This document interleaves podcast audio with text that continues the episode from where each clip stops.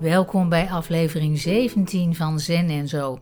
Een podcast over muziek, mystiek, zen en poëzie door Marloes Lazaal. Ik wil de donateurs enorm bedanken dat zij Zen en Zo mogelijk maken. En ook nieuwe mensen uitnodigen om iets bij te dragen via Petje Af, zodat ik met deze podcast door kan gaan. Zen en Zo is een liefdewerkje, maar voor mijn onkosten ben ik afhankelijk van jullie bijdrage. Vandaag is mijn gast vertaler Japans Jos Vos, die ook het verhaal van Genji vertaalde. En met hem praat ik over het boek De kunst van het niets doen door Kenko. Een 14e-eeuwse Japanse monnik die opvallend goed was ingevoerd in allerlei frivole geneugten van die tijd. Omdat Jos Vos in Oxford woont, spreek ik hem via een internetverbinding, waardoor de geluidskwaliteit helaas soms wat minder is dan je van Zen en zo gewend bent. Ik zit achter de strijkplank in mijn slaapkamer en heb de kunst van het niets doen voor me. Het heeft een aantrekkelijke cover in zacht beige met een handgeschilderde roze kersenbloesem, waardoor je je onmiddellijk in de lente waant. En ik vraag Jos Vos wie deze Kenko eigenlijk was. Kenko was in de allereerste plaats een edelman, denk ik. Hij wordt vaak voorgesteld als monnik, maar strikt genomen was hij dat niet. Um, niemand weet waarom hij een aantal geloften heeft afgelegd en, en een soort boeddhist is geworden. Maar hij is dus begonnen, mag je wel zeggen, als een typische aristocraat die gedichten schreef en meedeed aan poëziewedstrijden. Uh, misschien ze ook beoordeelde, dat weet ik niet, die er ook opstellen over schreef en die dus heel erg hoofdse interesses had op een bepaald moment is hij, heeft hij besloten om kluizenaar te worden. En heel zijn boek is dan ook doordrongen van boeddhistische gedachten. Maar toch denk ik dat hij zich nooit helemaal aan de religie gewijd heeft. En dat blijkt ook uit zijn, zijn verhaaltjes, dat hij steeds opnieuw in contact is gekomen met hovelingen, ook, ook met de militairen die destijds al de toon aangeven. Dus ik denk dat hij zo'n beetje van twee walletjes probeerde te eten. Uh, dat hij religieus was, maar ook werelds, tot op zekere hoogte. Dat hij in ieder geval toch geïnteresseerd bleef in het werelds bedrijf. Ja, want hij woonde duidelijk niet in een klooster, uh, denk ik. Nee, nee, ik denk wel dat hij in kloosters verbleven heeft. Want er is één bepaald klooster dat hij vaak beschrijft, hè, Ninnaji. Ik noem het het Ninna-klooster, uh, wat nog altijd in Kyoto ligt. Dat schijnt hij erg goed gekend te hebben. Dus misschien was hij wel bevriend met bepaalde monniken, of heeft hij een tijdje in de buurt van het klooster gewoond. En heeft hij allerlei roddel opgevangen over uh, wat zich daar afspeelt. Waar komt eigenlijk de titel vandaan? Want uh, als je het zo leest, gaat het over alles behalve niets doen eigenlijk. Wel, de, de titel was eerlijk gezegd een, een, uitvinding van mijn uitgever. Uh, want de Japanse titel Tsurezuregusa betekent, als je het letterlijk vertaalt, uh, ledigheidskruid. Maar om dat dan in behoorlijk Nederlands om te zetten, ik zat met de handen in mijn haar. Ik dacht, ledigheidskruid klinkt als een dicht bundel van Guido Gezelle of iets dergelijks. Dus toen heeft uh, de uitgever dit voorgesteld. Misschien geïnspireerd door Godfried Bomans, van wie Van Oorschat ook vorig jaar een boekje heeft uitgegeven, uh, waarin één cursiefje stond met diezelfde titel. Uh, nu schrijf je zelf in een artikel in Hebban het aardige aan de kunst van het niets doen is dat er behalve radijsminnende schouten en vrome geestelijken ook een heleboel liederlijke monniken en excentrieke edelen in rondlopen. En dan zwijg ik nog over de levenswijsheid waarvan Kenko's werk getuigt. Het is geen wonder dat zijn werk na 700 jaar nog niets aan populariteit heeft ingeboet. Wordt het in Japan inderdaad nog steeds eh, gelezen? Uh, ja, het wordt in de eerste plaats gelezen op uh, middelbare scholen ik denk dan wel in een gekuiste versie. Dus de ondeugende stukjes, zoals dat gewoonlijk gaat, die laten ze eruit. Maar dus de meer beschouwelijke stukjes en misschien ook enkele komische stukjes, die worden nog steeds gelezen. Het is een soort boek waar, waarvan je elke avond voor het slapen gaan een stukje kunt lezen. Um, misschien zelfs in het Japans van die tijd, als je Japaner bent.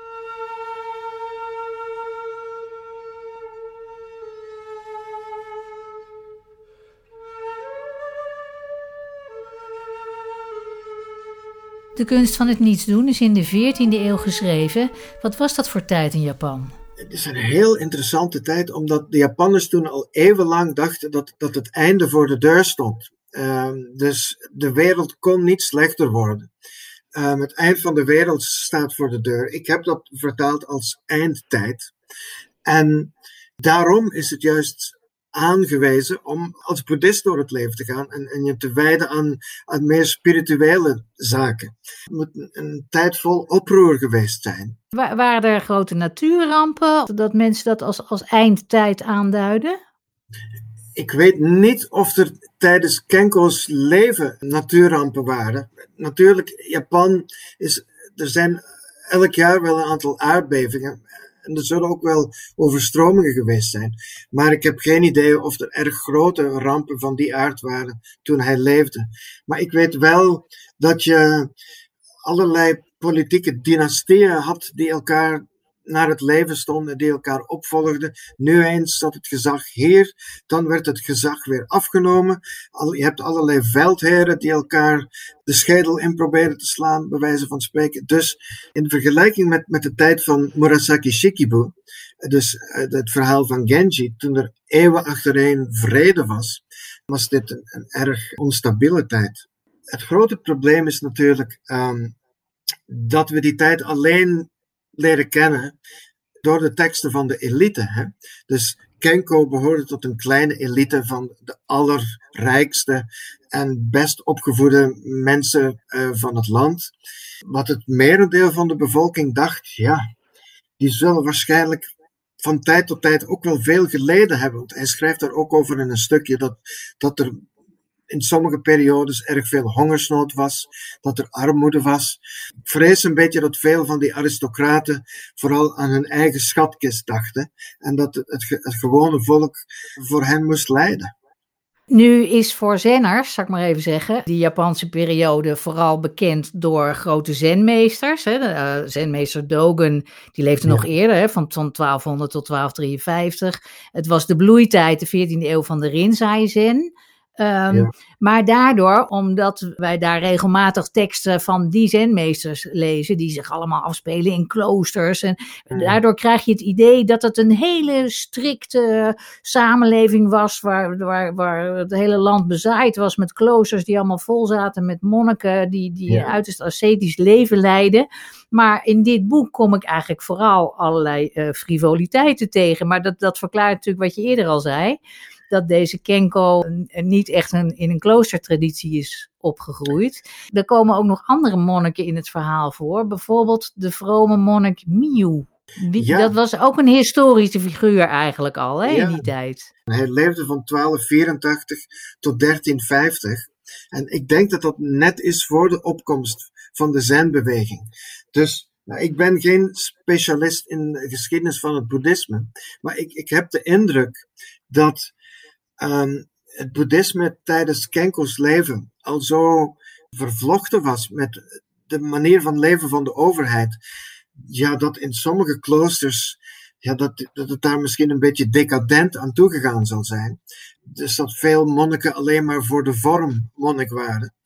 Maar je hoort het natuurlijk door heel de geschiedenis over alle monniken, dat, dat ze niet altijd zo vroom en gedisciplineerd zijn als, als wel zou moeten. Maar ik denk dat het, het Zen-boeddhisme vooral in, in de decennia na Kenko is opgekomen. En, en dat dat vooral gestimuleerd werd door, door de samurai uit die tijd, hè, door de militairen. En dus dat dat een soort beweging was naar, naar een, strengere vorm van boeddhisme, waarin je, religie wel serieus neemt. En, en dus heel strikt aan, aan heel sober leven gaat doen. Hè? En mediteren en zo. Terwijl ja, het soort boeddhisme waar Kenko het over heeft, daar, daar speelde meditatie helemaal niet zo'n grote rol in. Hè. Daarin ging het meer om het uitvoeren van de juiste ceremonieën en, en dergelijke. Ja. En nog even terug naar die, naar die Miu. Hè? Dat was, begrijp ik, een vooraanstaand figuur in het esoterisch boeddhisme. Ik zou wel even willen vermelden dat, dat zijn naam wordt uitgesproken als Myoe. Myoe. Maar dat moet een heel interessante man geweest zijn. Als je ziet hoe hij is afgebeeld, zo mediterend. Ja, hij, hij zit dan wel te mediteren, dus hij zal het misschien toch wel gedaan hebben. Hè? Tussen de bomen. En als je nog eens ooit naar Japan gaat, moet je zeker naar die tempel gaan waar uh, hij, ja, die, ik weet niet of hij hem gesticht heeft, maar hij is waarschijnlijk abt geweest, want die ligt er heel mooi op zo'n groene berg tussen de bomen. En je kunt je hem zo voorstellen dat hij daar in de natuur heeft gezeten. Um, en dat is dan een man van wie in uh, de kunst van het niets doen zulke grappige dingen verteld worden. Hè? Dus uh, het is wel een interessante combinatie, vond ik. En waar is die tempel? Net ten noorden van de stad, in, in de noordelijke heuvels. Van Kyoto? Uh, ja, de tempel Kozanji is het, hè?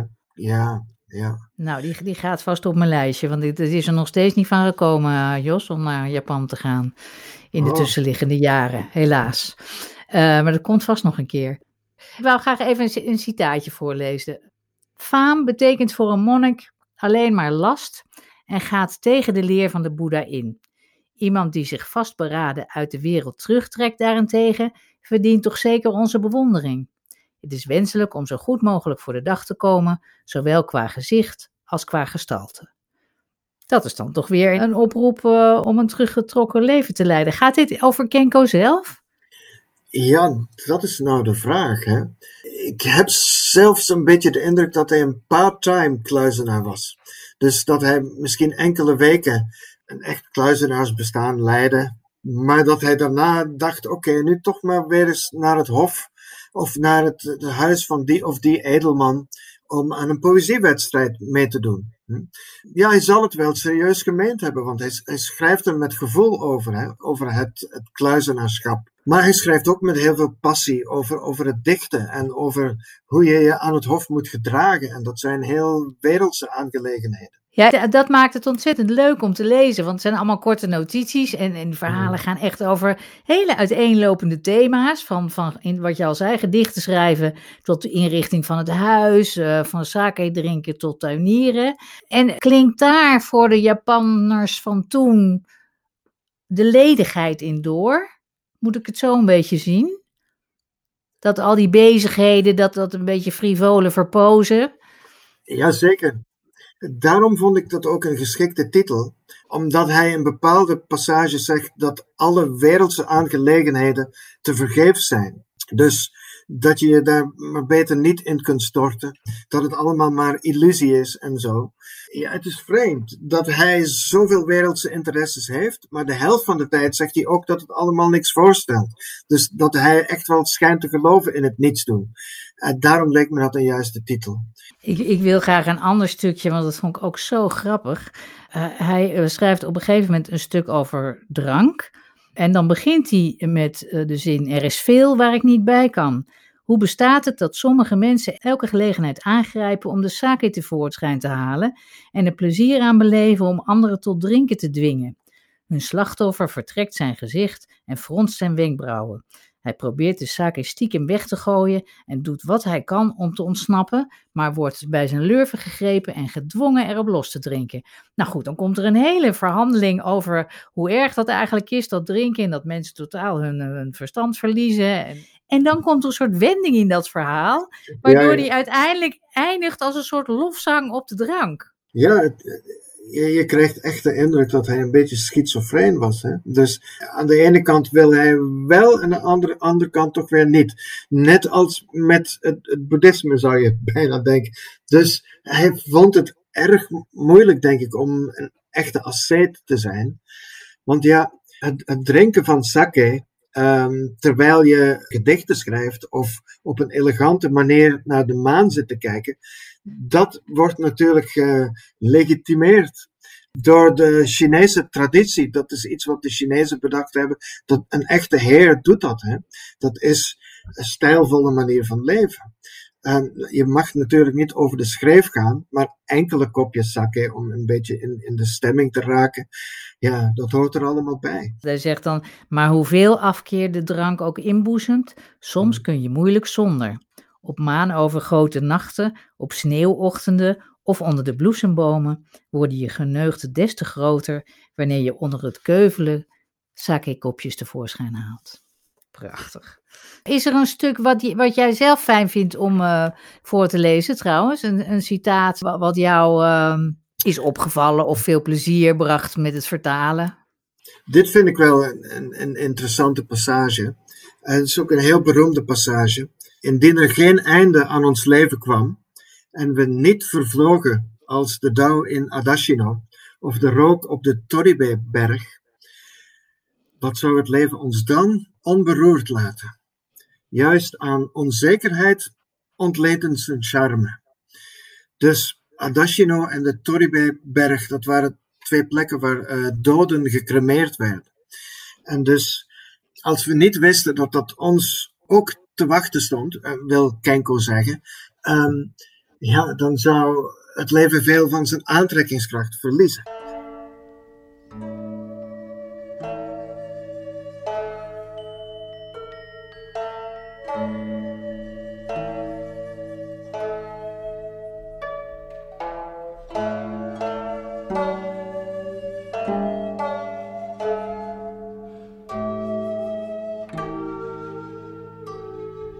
Ik ook een mooie passage vind. Hoe langer je leeft, hoe meer schaamte je dient te verwerken. Het is je hoe dan ook geraden om te sterven voor je veertigste. Want wie zijn leven nog langer rekt, die wil zich per se onder de mensen begeven, zonder zich te storen aan de beschamende aanblik die hij biedt. En in zijn oude dag is hij zo dol op zijn kinderen en kleinkinderen, dat hij absoluut wil zien hoe ver ze het schoppen en zo raakt hij hoe langer hoe meer gehecht aan de wereld, tot hij de aardse vergankelijkheid niet eens meer kan appreciëren.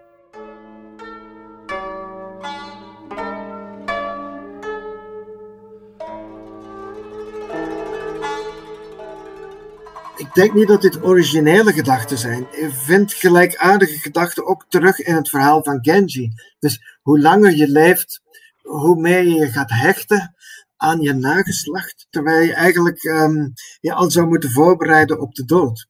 Dat is één ding. En het andere is, ja, als je niet wist dat je dood ging, dan zou je ook niet zoveel van dit leven genieten. Dus wees blij dat het leven zo kort is, dan kun je des te intenser leven ook. Dus die twee gedachten heeft Kenko hier en ik vind dat hij dat op een heel mooie manier verwoordt. Daar nog even op voortbordurend schrijft hij ook: en indien het eeuwige leven je toch niet beschoren is, wat heeft het dan voor zin om oud en lelijk te worden? Hoe langer je leeft, hoe meer schaamte je dient te verwerken. Het is je hoe dan ook geraden om te sterven voor je veertigste. Ja, ja. Wel, we kunnen ervan uitgaan dat, dat de meeste Japanners in die tijd de 30 niet eens haalden. Dus iedereen die boven de 40 was, dat was echt een, een. Maar ja, nu en dan hoor je toch wel eens van iemand die al rond de 70 was of zo. Of, of je hoort schrijvers of dichters die zelfs de 80 haalden. Maar dat zullen toch grote uitzonderingen geweest zijn. Dit vorige citaat, dat lijkt toch wel heel erg in te gaan tegen het boeddhistische besef van vergankelijkheid zolang je niet meer mooi en aantrekkelijk bent, dan kan je beter dood zijn. dat is ongeveer. Dat ook. Ja, ja dat, dat is, daar denk je ook aan. En dat kun je vergelijken met eerdere stukjes, waarin hij de lof zingt van jonge lui, die er heel aantrekkelijk uitzien. En eh, dat je de indruk hebt ja, dat hij een beetje verliefd was, of, of jaloers op zulke jonge lui. Um, dus ja, je hebt bij hem steeds ook die tweespalt. Hè? Enigszins aangetrokken door het aardse en anderzijds eraan willen ontsnappen. Voor wie is dit het meest geschikte boek om te lezen? Het lijkt me voor iedereen geschikt. Dus voor elk wat wils. Want er staan mm, ja, een soort moppen in, staan satirische anekdotes in, staan levensbeschouwelijke passages in. Um, Natuurlijk, wie geïnteresseerd is in de geschiedenis van Japan, zal ook wel zijn gading vinden, want je hebt allerlei opmerkingen over hoe het er aan het hof zou moeten toegaan. Um, dus iedereen die ook maar een beetje in Japan geïnteresseerd is, de geschiedenis of de godsdienst of de kunsten, en iedereen met een brede filosofische belangstelling zal wel vinden dat dat Kenko hem aanspreekt, denk ik.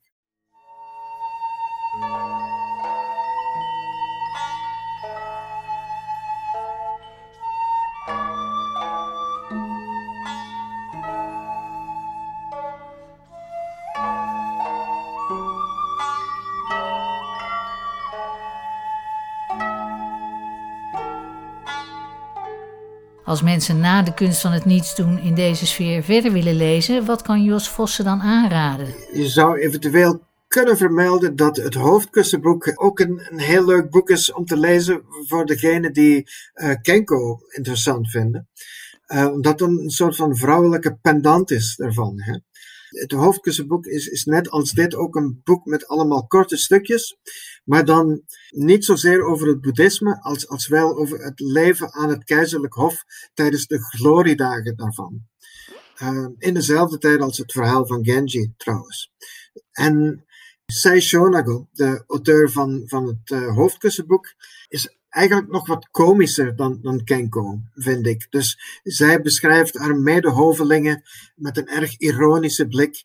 En wat vooral interessant is, is dat hoe ze uit de doeken doet, hoe zij als vrouw haar mannetje probeert te staan tussen al die hovelingen die denken dat zij het neusje van de zalm zijn. En dat, dat zoals zij, eigenlijk maar tweede burgers zijn. Want natuurlijk, de Japanners van nu, toch zeker de politici, zijn nog altijd erg seksistisch. Je hoort dat, dat de Japanse regering van tegenwoordig, in vergelijking met alle andere eh, geïndustrialiseerde landen, het, het land met de minste vrouwelijke politici.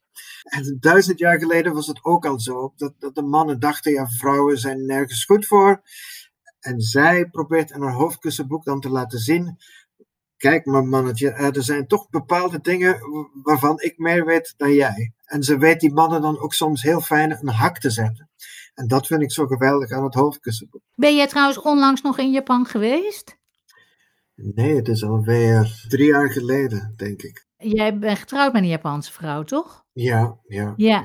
En dus volgen jullie uh, de situatie daar uh, op de voet, min of meer? Niet zoveel, maar we hebben één dochter die in Japan woont. En dus we skypen vaak met haar en dan horen we wel het een en ander. Maar ja, ik hoop volgende zomer nog eens te gaan, als uh, de wereld dan weer wat normaal is. Na drie jaar uh, voel je toch weer de drang om nog eens naar het land te gaan waarvoor je vertaalt eigenlijk. Ja, ik vertaal niet voor Japan, maar, maar je wil die taal dan nog eens om je heen horen. Ben je trouwens alweer met een nieuw uh, vertaalproject bezig op dit moment? Jazeker. Ik ben bezig aan iets wat jou als boeddhist zeker ook zal aanspreken. Dat is een groot epos. Ook weer uit de 14e eeuw, 14e of 15e. En dat heet in het Japans Heike Monogatari.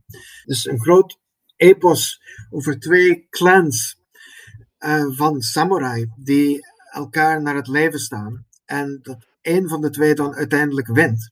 Maar de andere clan gaat ten onder. En aan de ondergang van die clan merk je ook weer dat alle aardse glorie maar tijdelijk is en dat alleen het boeddhisme enig houvast kan bieden. Daar gaat het hele epos eigenlijk over. Dat ja, alle aardse glorie, dat het niks voorstelt. Weet je al wat daar de Nederlandse titel van gaat zijn? De titel zal zijn De Val van de Taira. En wanneer kunnen we dat eh, in de winkel verwachten, denk jij? Ik denk dat dat voorjaar 2022 wordt. Nou, dan hebben we in ieder geval iets voor op de lange termijn om naar uit te kijken alvast.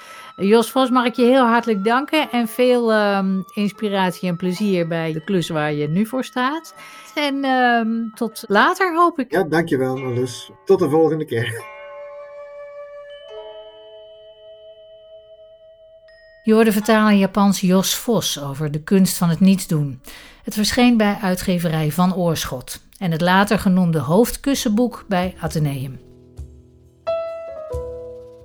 Mijn naam is Marloes Lazaal en als je het een leuk gesprek vond, scroll dan naar beneden en geef zoveel mogelijk sterretjes in je podcast-app, zodat nieuwe luisteraars ons makkelijker kunnen vinden.